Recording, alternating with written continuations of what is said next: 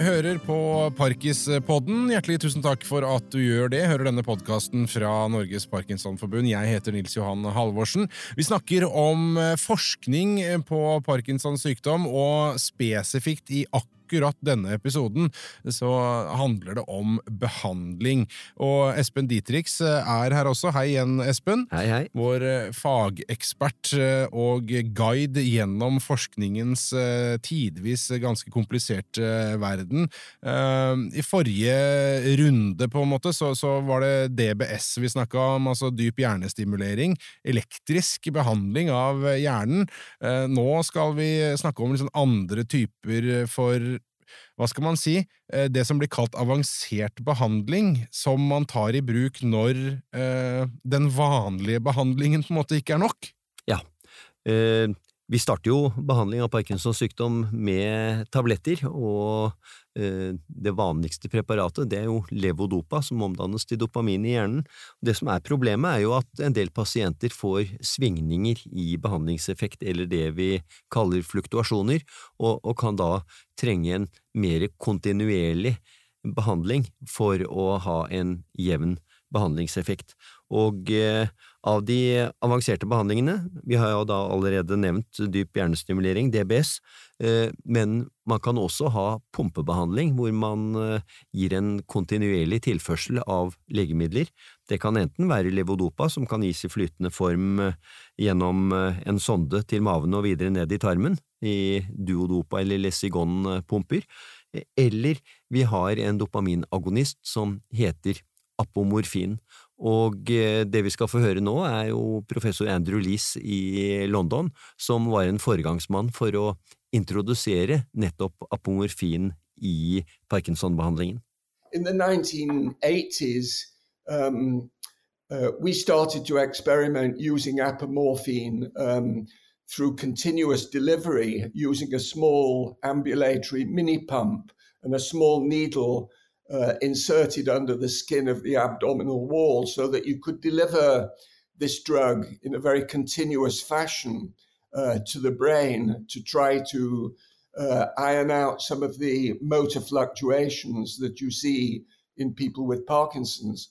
And um, the drug was licensed in the 1980s. It's available in Norway, but perhaps is not used as much as I think it should be used because it's a very uh, powerful drug uh, in treating uh, on off effects in the later stages of Parkinson's disease. So, some of your audience will, of course, have had or know about deep brain stimulation uh, as a treatment for late stage Parkinson's, and some of your audience will also know uh, and have heard about the um, use of uh, uh, duodopa, uh, which is L-dopa, which is administered through a, a gastrojejunostomy, a tube inserted inside the abdomen into the intestines, uh, which, which, can also help. So apom- the apomorphine pump is another option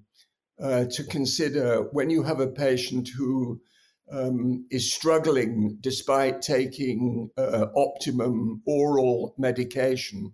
So the decision the patient has to make is do I want the apomorphine pump? Do I want the duodopa pump? Or do I want deep brain stimulation? And I would say um, my I, all I can do is speak personally, and I would say that I would choose the apomorphine pump first for one very simple reason not, not necessarily that it's better, but it's much less invasive and easily reversible. So if you don't like the apomorphine pump, all you need to do is pull the needle out from the skin. If you have a duodopa, you, you can't pull anything out. Uh, because it's stuck into your intestines. And if you have a hole in your head, it's very difficult to correct that. Andrew Lees, en, en, nestor, eh, får vi kalle han, innenfor eh, Parkinson-forskning og, og, og, behandling av Parkinson-pasienter. Eh, han er, liksom, han foret, er veldig sånn foretrekker apomorfin. Ja, og... er, det, er, det, noen grunn til det, eller er det bare sånn personlig preferanse hos professorer? Er jeg liker bedre det enn andre ting? helt klart at folk har litt individuelle preferanser her, men hans begrunnelse det er jo at apomorfin er en behandling som ikke krever noe kirurgisk inngrep. Eh, du kan eh, sette på en apomorfinpumpe med en eh, tynn nål som stikkes inn i underhuden. Du må ha et par dagers forbehandling med et kvalmestillende middel, for ellers kan du få bivirkning med kvalme og oppkast, men ellers så er det ganske ukomplisert både å sette i gang og ikke minst å avslutte, for da kan du jo rett og slett bare stoppe behandlingen. Når du har en duodopa eller lesigonpumpe med en slange gjennom bukveggen inn i maven og videre ned i tarmen, så er det klart at da har du vært igjennom et lite inngrep, og det er litt større eh, prosjekt både å starte behandlingen og eventuelt avslutte. Og dyp hjernestimulering som det siste alternativet av avansert behandling, det er klart at det krever jo et nevrokirurgisk inngrep, og er for så vidt det mest kompliserte av, eh, av disse alternativene.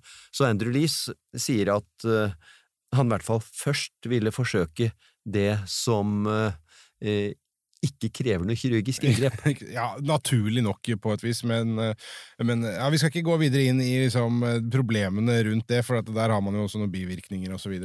Men, men det som slår meg også da med både levodopa, som er liksom den, den første førstelinjebehandlingen der, men også med apomorfin og sånne ting, så, så det er jo ikke akkurat nye greier. Nei, eh, levodopa og apomorfin eh, har vi jo hatt lenge. Eh, Vårt problem er jo fortsatt at vi ikke har eh, noen behandling av årsaken, vi har symptomatisk behandling.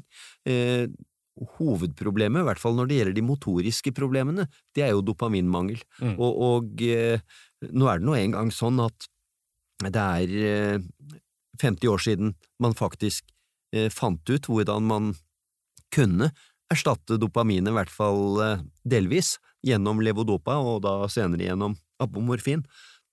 Så det er jo mer at man allerede for 50 år siden fant en slik symptomatisk løsning. Mm. Så skal vi eh, til eh, Nederland eh, og snakke om noe Altså, en form for behandling som jeg ser for meg er hakket mer sånn moderne, fordi det handler om en eller annen sånn holdning til eh, menneske, det, den menneskelige tilstand.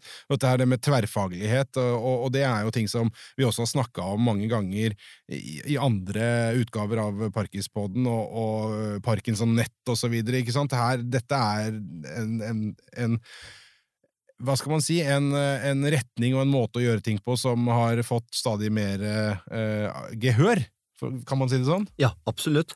Eh, nå er det jo slik at uh, folk som har hatt Parkinsons sykdom en stund, så blir det ofte snakk om avansert behandling, og det er snakk om eh, medisinsk-teknisk utstyr i forskjellige former, og det blir veldig komplisert.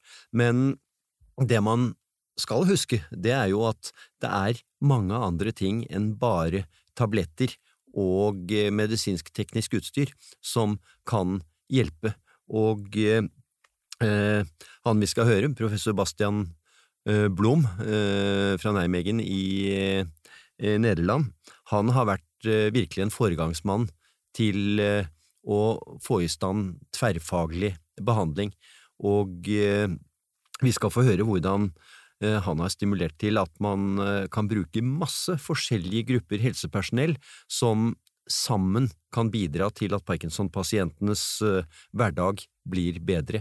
Og Parkinson-nett, som du nevnte, er jo faktisk Bastian Bloms egen oppfinnelse, og stammer nettopp fra Nijmegen i Nederland. I eh, Norge så eh, er vi også i ferd med å utbre Parkinson-nett, eh, og eh, i Norge så har vi startet med fysioterapeuter, ergoterapeuter, logopeder, eh, som Bastian Blom kommer til å nevne, og Parkinson-sykepleiere. Og så får vi se om Parkinson-nett eventuelt kan få med enda flere yrkesgrupper etter hvert. To be able to think that as a neurologist, I am a neurologist, uh, you can treat Parkinson's alone is a complete misconception. Parkinson's is a very complex, multifaceted, and debilitating disease. Uh, comes with a range of motor and non motor problems. And yes, some of these problems can respond to medication uh, or to deep brain stimulation, which is uh, what I can organize uh, as a neurologist. Uh, but we also know that um, the medication does not respond, does not improve all the symptoms. Uh, some of them are resistant, some of them are actually induced by the medication uh, as a side effect. Um, so there's a range of problems for which the pills or surgery doesn't work. And this is exactly where many, many professional disciplines uh, can provide meaningful help to people with Parkinson's. And it's maybe nice to illustrate that in a recent paper that I was invited to write for The Lancet about Parkinson's disease, I put the, the family with Parkinson's at the heart of a sort of universe. So they were the sun in the middle, and all the professional disciplines were orbiting as you know planets around this sun, and there were no less than 30 different professions that can potentially help people. Now, it's not to say that all 30 professionals should be involved with every patient all the time, it means A, how complex Parkinson's is, so that 30 disciplines can offer help, and B, how much help there potentially is to support people. Um, but you need the right person for the right problem at the right time. So is it is it only by providing the correct individually adapted interdisciplinary treatment that one can fully and completely treat parkinson's disease? I think so. I think people and their family uh, caregivers and and and friends they deserve this integrated uh, you might say holistic approach. And i i am convinced that only through inter or multidisciplinary care these terms are used a bit interchangeably, uh, you can achieve the best results. And I think, literally, I mean the word deserve. Every person with Parkinson's deserves this approach. Yeah, and, and how, since this podcast series focuses on research, how has one reached the conclusion that so many different expertises are needed to treat Parkinson's? Yeah, no, that's a very good question. So the the evidence for many, not all of them, but for many of the 30 professional disciplines, when you study them alone, is growing. So, for example, there is very good evidence for physiotherapy, there is very good evidence for occupational therapy, there's fairly good evidence for speech and language therapy.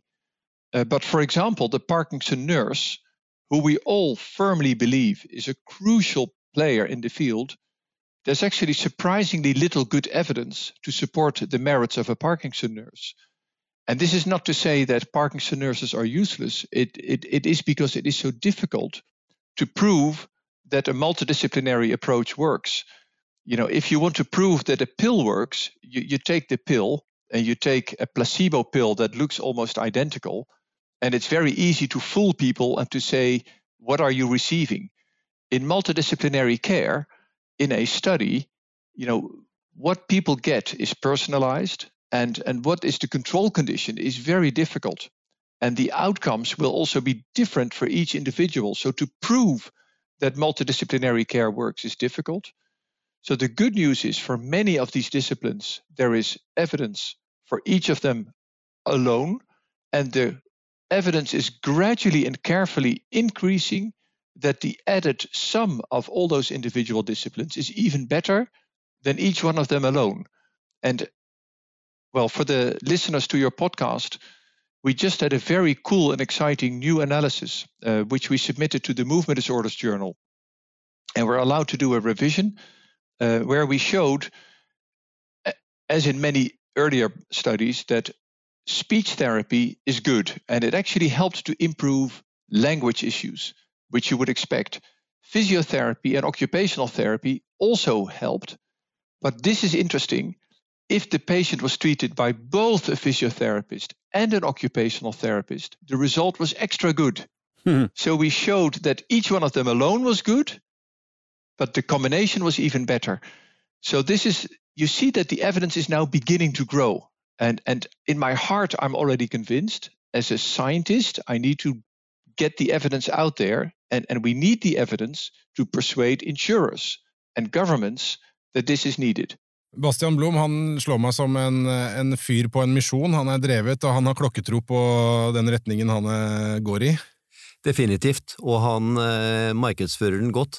Han er godt synlig, han er to meter høy og snakker høyt, og eh, du er ikke i tvil om at eh, Bastian Blom er i lokalet når han er der, men eh, han skal virkelig ha all ære for eh, måten han eh, har hjulpet utbredelsen av tverrfaglig behandling for Parkinson-pasienter.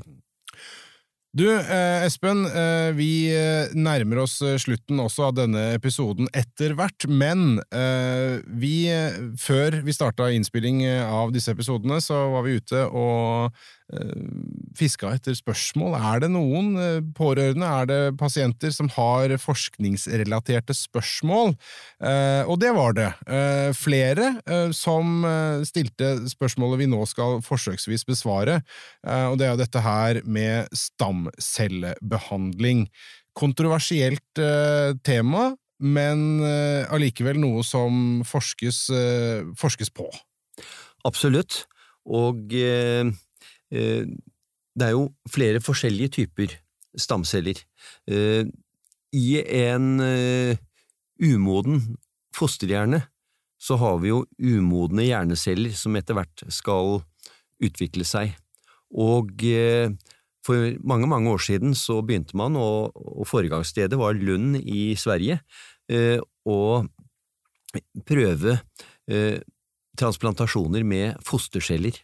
Det betød at man tok ut eh, hjerneceller fra aborterte fostre og eh, sprøytet inn i hjernen til Parkinson-pasienter, og man trengte ofte fra fire til seks fostre per hjernehalvdel, eh, sånn at det var mye etiske betenkeligheter med disse operasjonene.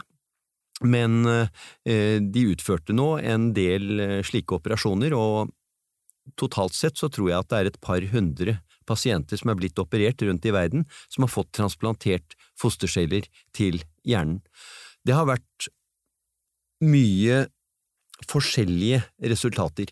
De beste pasientene fra Lund har rapportert en veldig god effekt, mens uh, i USA så prøvde de en såkalt dobbelt blind studie, hvor de transplanterte halvparten av pasientene, og den andre halvparten av pasientene fikk hull i hodet, men ingen transplantasjon. Oi, ja. Og så ble de undersøkt av nevrologer som ikke visste hvem som var operert og hvem som ikke var operert, og eh, de fant altså ingen signifikant, som vi kaller det, forskjell mellom de som hadde fått transplantasjon og de som ikke hadde fått transplantasjon. Mm.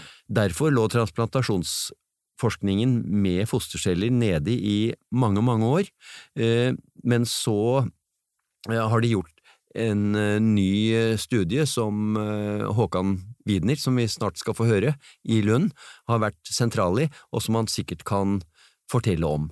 Det er altså celler, fortsatt fostercellestudier. Fosterceller er etisk betenkelig, og i Norge så har både Stortinget og Legeforeningen bestemt at vi skal ikke bruke fosterceller i medisinsk forskning og behandling på denne måten i Norge. Det som er interessant, er da kan man bruke stamceller, for eksempel celler fra underhuden som dyrkes i laboratoriet og utvikles til hjerneceller, og det foregår forsøk i først og fremst på dyr. Eh, det er gjort noen få stamcelletransplantasjoner på mennesker, men der vet vi ennå ikke resultatene. Så det vi først og fremst kjenner til, det er eh, forsøkene med fostercelletransplantasjoner til Parkinson-pasienter, og Professor Håkan Widner i Lund er altså en av de som er aller mest involvert i denne forskningen. Mm.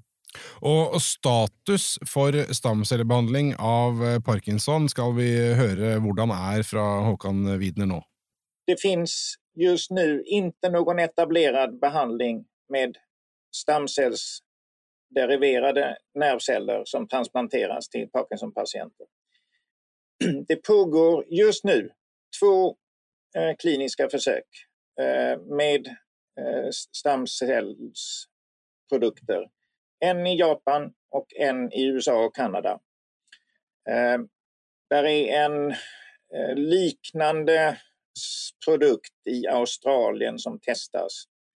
Och vi här i Lund och England väntar på besked om att få starta en studie här.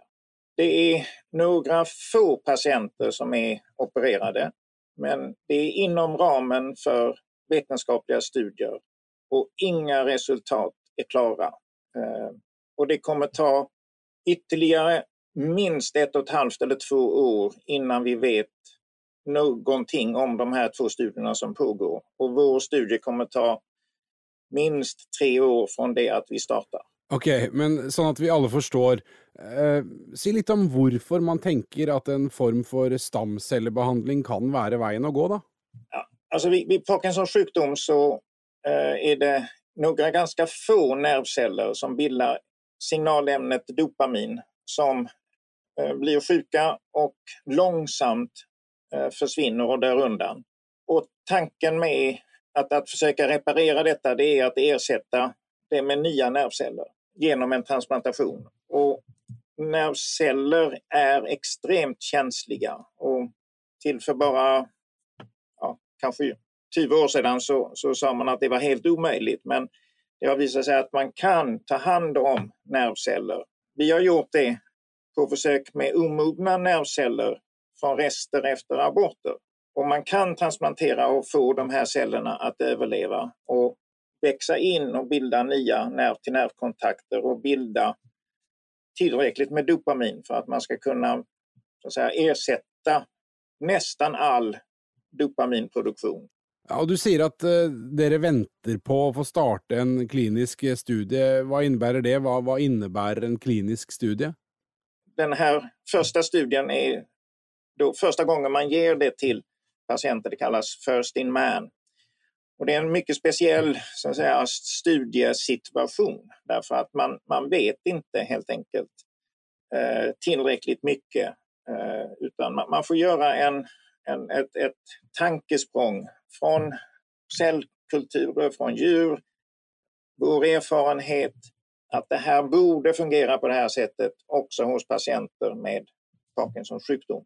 Det här handlar i första hand om att, att eh, visa att det är så att säga, säkert för patienterna eh, och att eh, det går att, att liksom ta hela proceduren att, att få cellerna att överleva. Sen om det räcker till för att, så att säga, påverka symptomen och i det långa loppet så att säga, vända sjukdomen. Det är inte huvudsyftet med den här delen. Allt det här handlar egentligen om att försöka modifiera eh, Parkinsons sjukdomsförloppet, alltså själva sjukdomsprocessen. Det är, det är sjukdomsmodellering eller så att det är inte symptomlindrande behandling. Det, där finns, eller fanns, två stycken tillväxtfaktorer kända sedan ja, väldigt lång tid tillbaka. Som en, en heter Nurturin och en som heter GDNF. Och det har varit fram och tillbaka om det har varit effektivt eller ej. Och för lite mer än tio år sedan så är det en forskargrupp i Finland som hittade en helt ny tillväxtfaktor som heter CDNF, Cerebral Dopamine Neurotrophic Factor. Och den har vi varit med om att testa. Och det är väldigt komplicerad här men, men vi har tillfört en gång i månaden genom en, en sorts pump, genom katetrar in i hjärnan, olika mängder eh, CDNF. Alla resultat är inte riktigt klara ännu, men vi, vi har patienter som har haft tydliga behandlingseffekter. Och det här är inte alltså symptomlindrande. Så, så ger man den här tillväxtfaktorn så dag ett händer ingenting.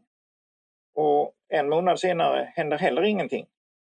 Det är först på tredje, fjärde månaden när man gett upprepade doser och långt framöver så har symptomen börjat förbättras. Eh, och vi har också kunnat se med eh, sån här PET-kameraundersökning som kan mäta dopamin och delvis dopamin nerv till nervkontakter att det är mer dopamin som bildas. Håkan Widner, professor ved Universitetet i Lund der. Spennende det han forteller om. Altså, det er jo litt sånn cutting edge eh, og tidvis eh, gråsone problematisk, som du, som du, også sa, etisk, eh, dette her med stamceller. Men, men det på, som han snakker om til slutt, denne tilvekstfaktoren, altså denne gjødselen ja. Det er ikke stamceller, eller det er noe annet? Det, det, er noe annet. Ja. Eh, det finnes såkalte vekstfaktorer, det er det norske ordet, eh, som eh, da får celler i kroppen til å vokse, men som også er nødvendig for at cellene skal trives og ha det bra. Og spørsmålet er jo om kan de da enten begrense sykdom i cellene, eller kanskje attpåtil få de til å fungere bedre, celler som er blitt syke. Men eh, som Håkan Widner sa, et problem med eh, slike vekstfaktorer er jo at du må få de inn i hjernen. Ja. Og eh, det man har gjort med alle disse forsøkene, og det er jo ren egentlig ren eksperimentell forskning, selv om det pågår på mennesker, hvor man da legger inn et kateter og altså pumper disse vekstfaktorene inn i hjernen. Og det har vært masse forsøk med dette, og med litt vekslende resultater. Nå kan det da hende at den siste vekstfaktoren som de har funnet i Lund, Stockholm, Helsingfors, at, at uh, den fungerer. Det har vært gjort mange forsøk med andre vekstfaktorer som har vært mindre heldige. Uh, mange Parkinson-pasienter i Norge så en dokumentarfilm som BBC laget om uh, Parkinson-pasienter som nettopp var med på et forsøk med slik vekstfaktor infusjon, og hvor jo hovedpersonen i programmet egentlig døde i løpet av studien, faktisk. Ja.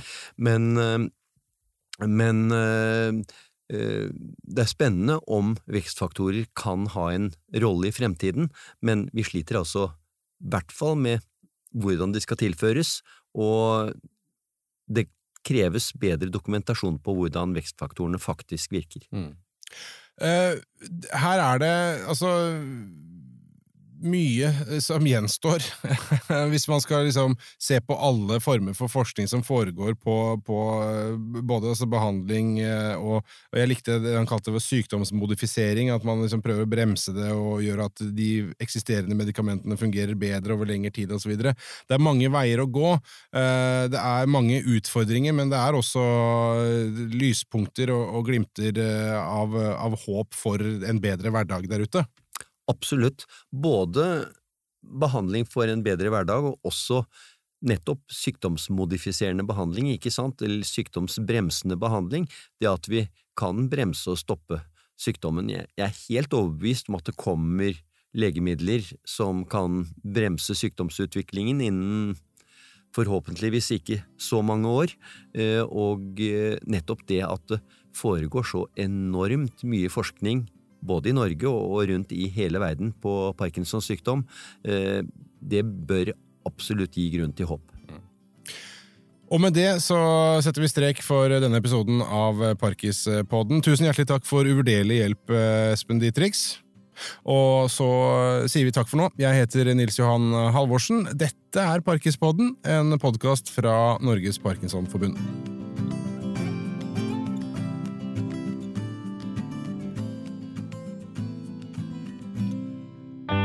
Denne podkasten er produsert av Tid og List. For Norges Parkinsonforbund med støtte fra stiftelsen DAM.